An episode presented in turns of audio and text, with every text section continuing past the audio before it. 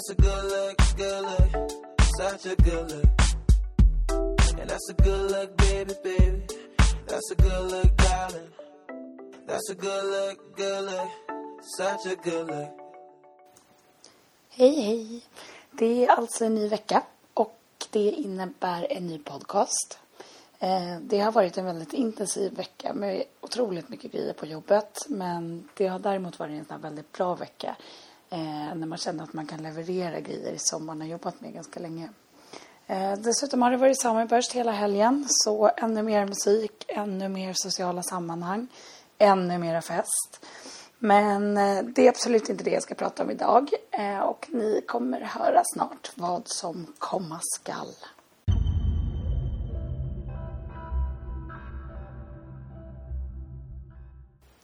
Eh, en nära vän sa till mig när jag berättade om att jag håller på med den här podcasten och eh, nämnde att jag skulle vilja göra den lite mer seriös. Eh, att jag alltid är så allvarlig i allt kreativt jag gör. Eh, jag är en väldigt glad person med lätt sinne. Men så fort det kommer till allting jag gör som ska ner på pränt. Typ min blogg eller det här. Så har jag en tendens att det alltid ska vara dystert. Eller i alla fall allvarligt. Eh, det är ganska mörkt och eh, rätt mycket ångest i det. Eh, Och jag tänker på det, det är ju väldigt intressant. Alla måste ju någonstans ha en ventil för att få ut sig saker, få ut sig sina känslor. Eh, Det som är intressant här är att jag nog hellre gör det publikt än för mina nära och kära eller i en mindre skala. Eh, jag skriver hellre på bloggen som alla kan läsa. Jag skriver på Twitter, jag delar med mig. Men jag har väldigt svårt att prata om det bara en, ja, från person till person. Eh, jag vet inte, innebär det kanske att jag är en självutnämnd offentlig person? Eh, och en liten rolig tanke är att om jag skulle vara känd så skulle jag nog vara som Kikki Danielsson som talar ut om allt, överallt, hela tiden. Eh, idag är jag glad, idag är jag ledsen, det här är jag ångest över, ba ba ba. Eh, lite snälla se och hör, låt mig tala ut, som Mange Schmidt skulle ha sagt. Eh, tack och lov så är jag inte känd. Jag kommer nog aldrig att bli det heller. Och det vet jag inte riktigt om det är mest tur för mig eller för alla andra som slipper höra mig tala ut.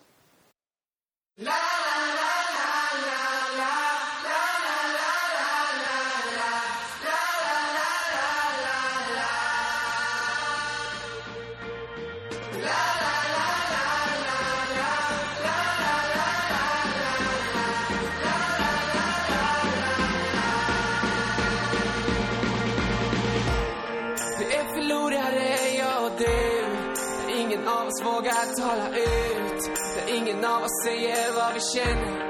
Står vi här för vi är bara vänner. Finns inga vinnare i för två. Inga vinnare, det är bara så. Och om allt skulle falla imorgon så vill jag veta att du visste hur jag kände det då. Är det uppenbart för dig? Det känns så uppenbart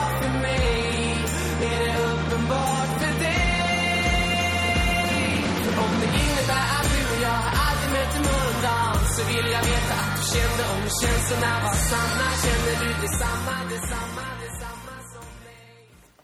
Det där var Thomas Enström, en fantastisk kille.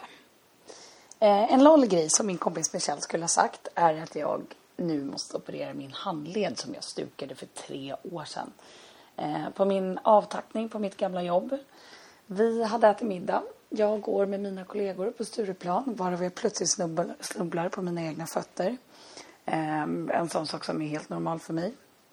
Och eftersom att jag bär på så mycket grejer i händerna, det är inte för inte jag kallas bag lady, så kan jag inte riktigt ta mig emot mig med händerna utan landar på handleden.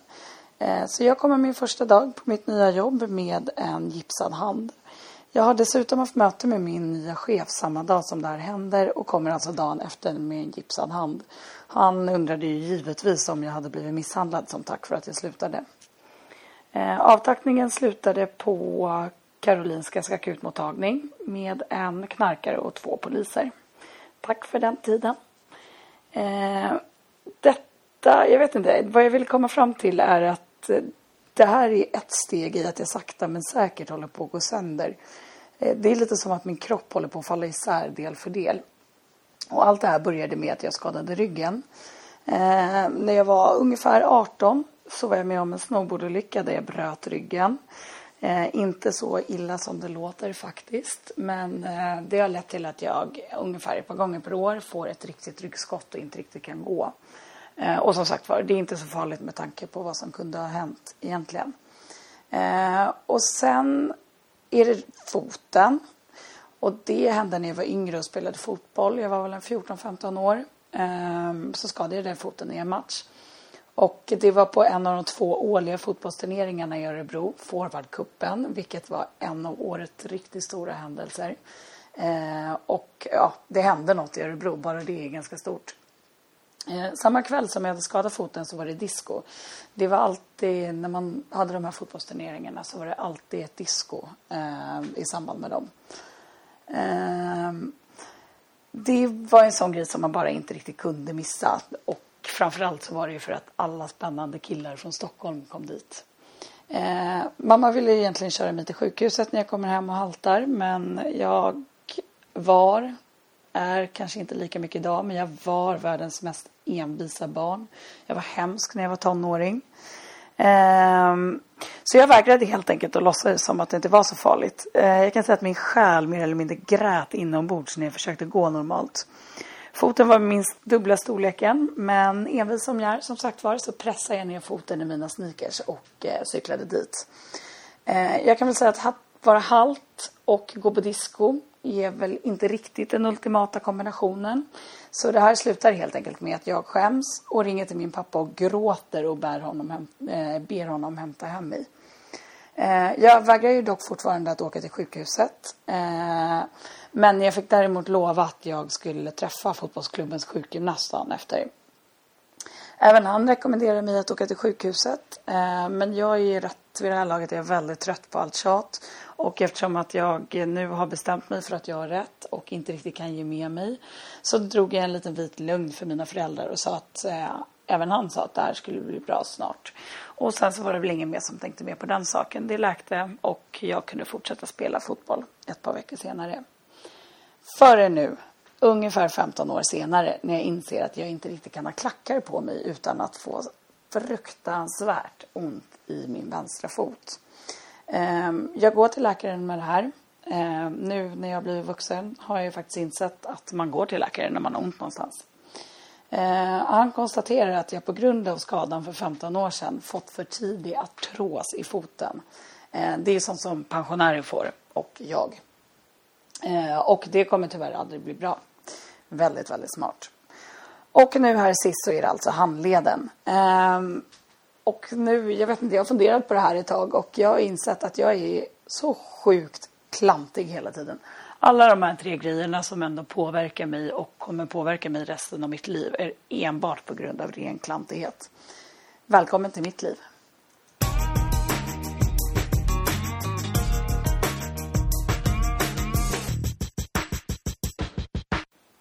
Jag har en liten otäck själsfrände som jag tänkte berätta om. Eh, hon står för den sidan hos mig själv som jag väldigt sällan är stolt över. Jag kan väl kanske säga att jag nog aldrig har varit stolt över den sidan. Hon eh, kommer fram i de stunder som jag absolut inte vill ha henne där och hon är liten och väldigt bitsk. Eh, det är lite läskigt också för jag har sakta men säkert börjat likna henne vid utseende. Eh, och det var en person i mitt tidigare liv som kläckte det här. Ehm, det var en dag när jag inte riktigt fick som jag ville och eh, jag var minst sagt arg. Jag var jätte, jätte arg. Eh, det regnade den dagen och jag hade mina rosa gummistövlar på mig. Ehm, jag har ett par rosa jättefina, eller ja, jag har tre par gummistövlar. Men ett par av dem är rosa med vit snörning, jättefina. De hade jag på mig och eh, jag är som sagt var väldigt arg. Jag stod på gatan och utan att ens tänka på det så reagerar jag genom att stampa med min rosa gummiklädda stövelfot i marken. Och är arg som ett bi och riktigt fräser. Varav han börjar asgarva. Och det är väl kanske inte riktigt den reaktionen som jag vill ha. Så jag står där, ser väl ut ganska mycket som ett fån. Stampar i marken och är jättearg. Och han bara fortsätter att skratta. Och han mer eller mindre skrattar sig dubbelvikt. Och Eh, mellan de här skattanfallen så bara kväver han fram Lilla My. det är min själsfrände det.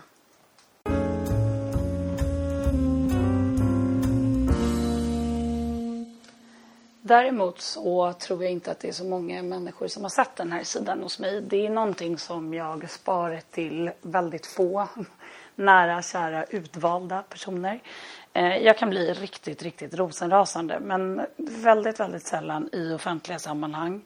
Eh, på jobbet till exempel blir jag arg över någonting så är det mer att jag håller det inom mig.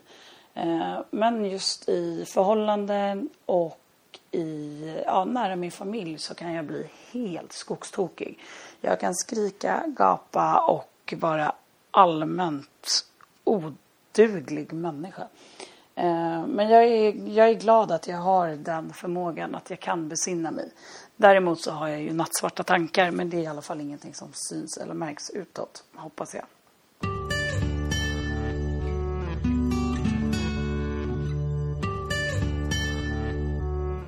Helt apropå ingenting eller apropå nattsvart så kommer jag osökt att tänka på min... Fan, jag har en kärlek, förkärlek för natten. Eh, det är någonting speciellt just med natten. Eh, att cykla hem när man har varit ute i en stad som helt ligger i vila. Eh, det dova ljuset på sommaren. Det, det är ett ljus som bara finns den här årstiden. Det är liksom en skugga som lägger sig överallt. Och det är väl kanske inte natt utan det är snarare när, eh, när kvällen går mot natt. Precis där i skiftet. Eh, när man är ute och jag tänker speciellt på festivaler för då är man bland massa folk i den här skuggan. Folk blir liksom ansiktslösa. Det blir som grå skuggor under en dov himmel. Eh, och det blir liksom aldrig riktigt mörkt. Eh, och det är lite som om natten ger en helt annat liv. Det är som om det är baksidan på det riktiga livet brukar jag tänka. Eh, tankarna blir djupare, man blir mer filosofisk. Eh, problemen blir tyvärr olösbara. De kan bli hur stora som helst. Och eh, det finns liksom ingen riktig väg ut. Eh, men så fort morgonljuset kommer så kommer även lösningar på de olösliga problemen. Eh, att promenera i natten kan också vara någonting av det mest romantiska jag kan tänka mig. Eh, en sakta promenad med ett lågmält samtal. Eh, man liksom känner att själen någonstans är skyddad av mörkret. Eh, så samtalen kan flyta fritt på ett helt annat sätt än vad det kan göra på dagtid. Eh, ett lätt sommarregn på det så är allting nästan perfekt nattpromenader och den romantiska bilden av en stad i mörker. Det gäller ju faktiskt bara städer för mig. Jag är dessvärre väldigt, väldigt mörkrädd. Eh, och så fort man kommer bort från all bebyggelse så slår det till. Och det spelar liksom ingen roll om jag sitter i en bil eller om jag är ute på landet i huset. Eh, det är okej så länge jag är i sällskap med andra och är inomhus. Eh, det är en ganska konstig slags, känsla, eh, slags rädsla också. Ehm, jag är liksom inte rädd för mörkret eller för olika väsen eller någonting sånt. Utan jag är helt enkelt rädd för att bli mördad. Ehm, det, jag vet inte. Jag har väl någonstans kanske tittat på lite för mycket skräckfilmer och eh, det är inte jättemånga av dem som utspelar sig i stan. Vilket alltså måste innebära att mördarna bor i skogen. Och naturligtvis så lever de på natten.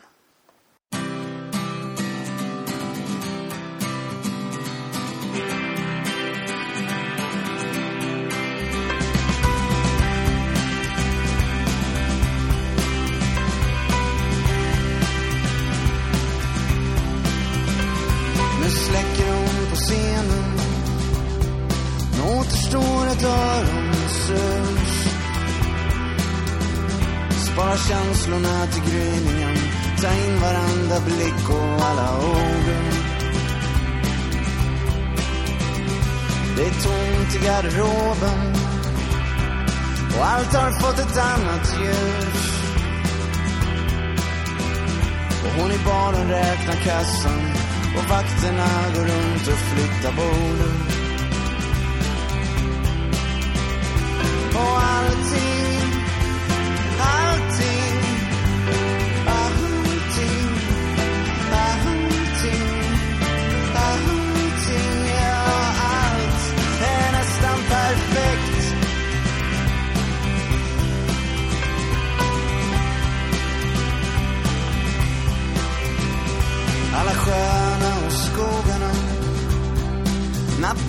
är så varm och still.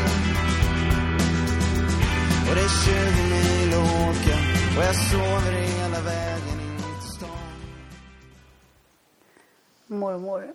Jag saknar min mormor väldigt, väldigt mycket. Eh, min galna, älskade mormor som alltid hade något jättekonstigt för sig. Eh, det riktiga upptåg hela tiden. Hon levde hela sitt liv som en filmstjärna. Hon eh, träffade morfar, flyttade med honom till Kanada ehm, där hon födde min mamma och eh, min moster. Och eh, hon klädde min mamma i små söta svenska folkdräkter och gick på mingel och hade väl ett allmänt bra liv. Men hon tröttnade ganska snart på min morfar och hans kanske inte så väldigt bra liv. Så hon tog båten hem till Sverige och skilde sig från honom själv med två barn. Eh, Konsekvenser var inte riktigt någonting som fanns i hennes värld överhuvudtaget. Hon eh, fortsatte dock att älska allt som hade med Kanada att göra och hon hade en fantastisk förkärlek för Italien. Eh, Allt som hade med Italien att göra. Så vi åt kalkon på juldagen, precis som man gör i Kanada. Och eh, det var alltid Eros Ramazzotti som spelade på hennes bandspelare som han hade på den tiden. Eh, jag har väldigt många roliga minnen från min mormor. Eh, ett var när vi stod i hennes fönster och vrålade en sommar. Eh, jag tror att det var 1992, fotbolls-EM. Kan det ha varit. Sverige hade i alla fall vunnit en match och mormor propsade på att vi skulle öppna fönstret i hennes lägenhet och sjunga ut på gatan. Hon bodde i ett område där det bara bodde äldre människor.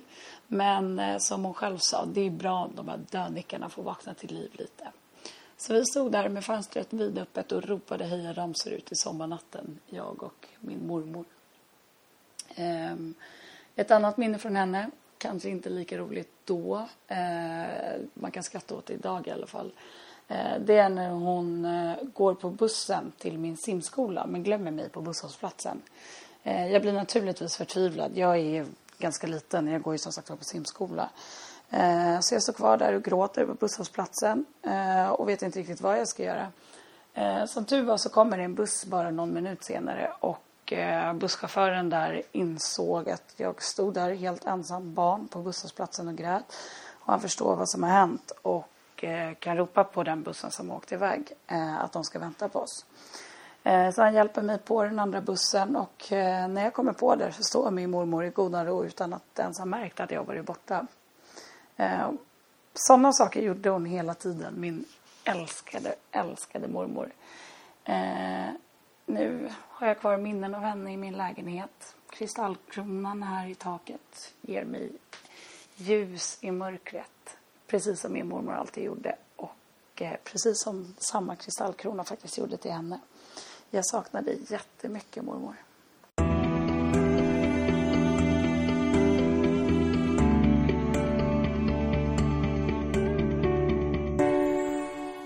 Det är konstigt det där när människor går bort. Det var en helt bisarr händelse när min eh, mormor gick bort. Hon hade varit sjuk ganska länge och eh, hon hade Alzheimers så att hon var väldigt borta i väldigt många år. Så att när hon väl blev sjuk så var kanske inte det en jättehemsk händelse. Eller det är klart, det är det väl alltid. Men hon hade som sagt varit borta länge och det kändes nästan bättre att hon skulle få gå bort. Eh, hur som helst, hon har varit sjuk ett tag. Eh, och jag och min vän Pia ska åka till Dubai. Och vi pratar väldigt mycket. Vi pratar, det här var en fantastisk resa för båda oss två som annars är ganska rastlösa själar. Vi hade två veckor på samma hotell. Vi solade, badade och pratade otroligt mycket. Eh, det var väldigt, väldigt fint och eh, det var en bra resa. Pia är en väldigt, väldigt bra vän.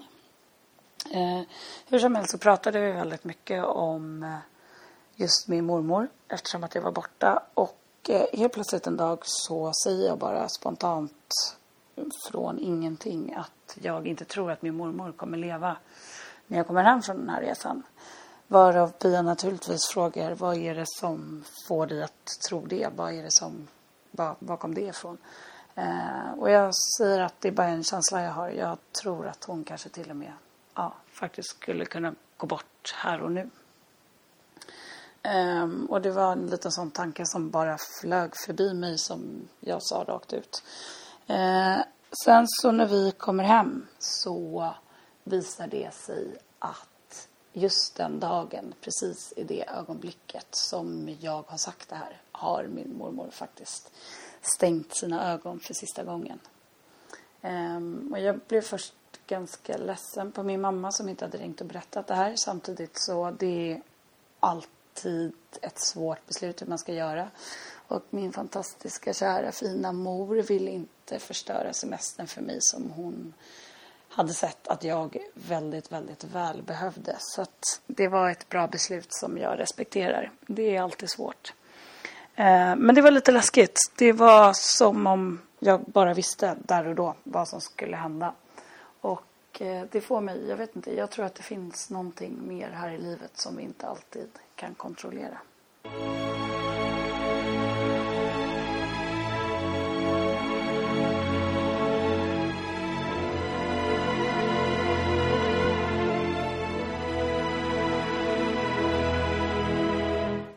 Pia, som jag precis nämnde, eh, var ute och eh, strosade omkring i stan tidigare ikväll. Eh, tog en kvällspromenad och eh, pratade om allt som hör livet till, som vi alltid gör. Eh, mycket Twitter och Facebook och så vidare. Det som är livet. Ehm, och det, jag tycker att det är väldigt intressant det här med snabba kickar och sociala medier. Eh, man klickar sig runt, man sitter och klickar och klickar. Man kollar Facebook, man läser Twitter, man scrollar på Instagram och pinnar på Pinterest. Ehm, och när man har läst igenom din ena sidan så har det hänt någonting på den andra. Och lite så kan man bli sittande alldeles för länge. Ehm, det tar väldigt mycket tid från det riktiga livet kan jag känna ibland. Ehm, det är liksom som ett liv som inte riktigt existerar och man blir ganska utmattad utav det. Framförallt hela den biten att alla ska visa hur bra allting är hela tiden. Är det sol så ska man ta en bild på solen. Ehm, man checkar in på de mest fancy ställena man kan tänka sig och så vidare. Eh, det blir lite som att man bildar sin egna lilla värld av någonting som egentligen inte är en riktig existerande verklighet. Ehm, och sociala medier för mig, det är en väldigt stor del. Eh, det är väl det sista som finns med mig innan jag eh, blundar på kvällen. Ehm, det är sociala medier och det är mejlen. Eh, och eh, det är det första som finns med mig också på morgonen. Eh, förutom de kvittrande fåglarna som väcker mig varenda morgon här utanför. Eh, men eh, som sagt när jag vaknar, jag kollar mejlen och sen så kollar jag alla sociala medier, vad som har hänt. Ehm, och det är en stor del av ens liv, ehm, på både gott och ont kan jag tycka. Ehm, man har koll hela tiden på vad som sker med sina vänner, familj. Eh, vilket är väldigt skönt. Man håller sig uppdaterad och är del av deras liv. Eh, och samtidigt så är det väldigt lätt att det någonstans ersätter den sociala biten, det, det verkliga livet. Eh, och jag kan tycka att sociala medier egentligen är ganska asociala. Samtidigt som det är världens bästa grej. Eh, jag gillar det att man kan kommunicera med en eller man kan kommunicera med alla. Jag kan kommunicera med min bästa vän eller jag kan välja att kommunicera med mer eller mindre hela världen. Ehm, och det är väldigt intressant som vi pratade om idag att eh, se hur de här sociala medierna som faktiskt inte har funnits så länge redan håller på att utvecklas och eh, formas till någonting nytt. Jag kan tycka att ta Facebook som exempel. Eh, som mer och mer går mot att vara en samlingsportal för att dela bilder och musik. Eh, mot vad det var tidigare. Jag själv har väl inte skrivit en uppdatering på Facebook på otroligt länge. Det är ingenting man gör längre utan där har Twitter helt gått in och tagit den delen. Samma sak Instagram som har tagit över vad Hipstamatic påbörjade för något år sedan, några år sedan. Men det är intressant. Eh, det är väldigt snabbrörligt. Det händer mycket snabbt. Ibland kan jag fundera på om det kanske går lite för snabbt. Eh, och att det kan vara lite för tillgängligt. Jag vet inte riktigt om vi själva hinner med i den här utvecklingen. Eh, det var bara en liten parentes till ingenting. Det är sådana tankar som rör sig i mitt huvud. Eh, I tid och otid skulle jag vilja säga. Eh, och det är ett fenomen som jag om någon är i allra högsta grad är del i skulle jag säga. Eh, och eh, jag undrar vad är nästa stora grej som kommer? Någon som vet?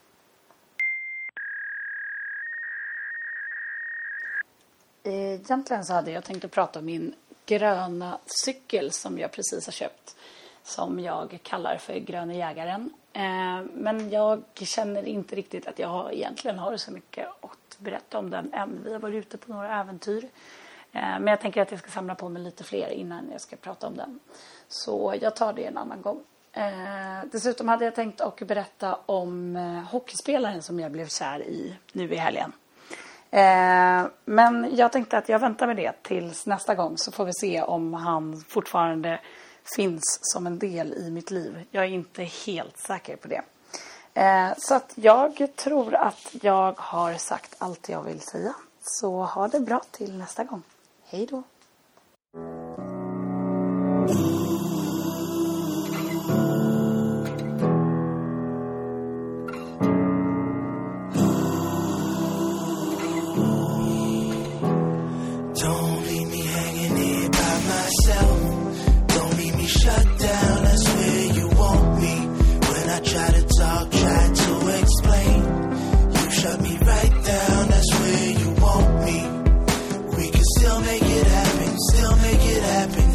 make it happen.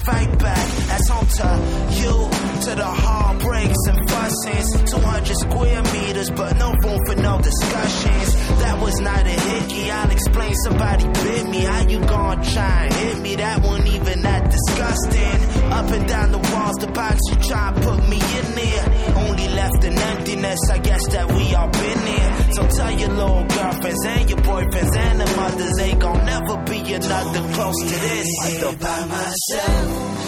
Leave me shut down. That's where you want me. When I try to talk, try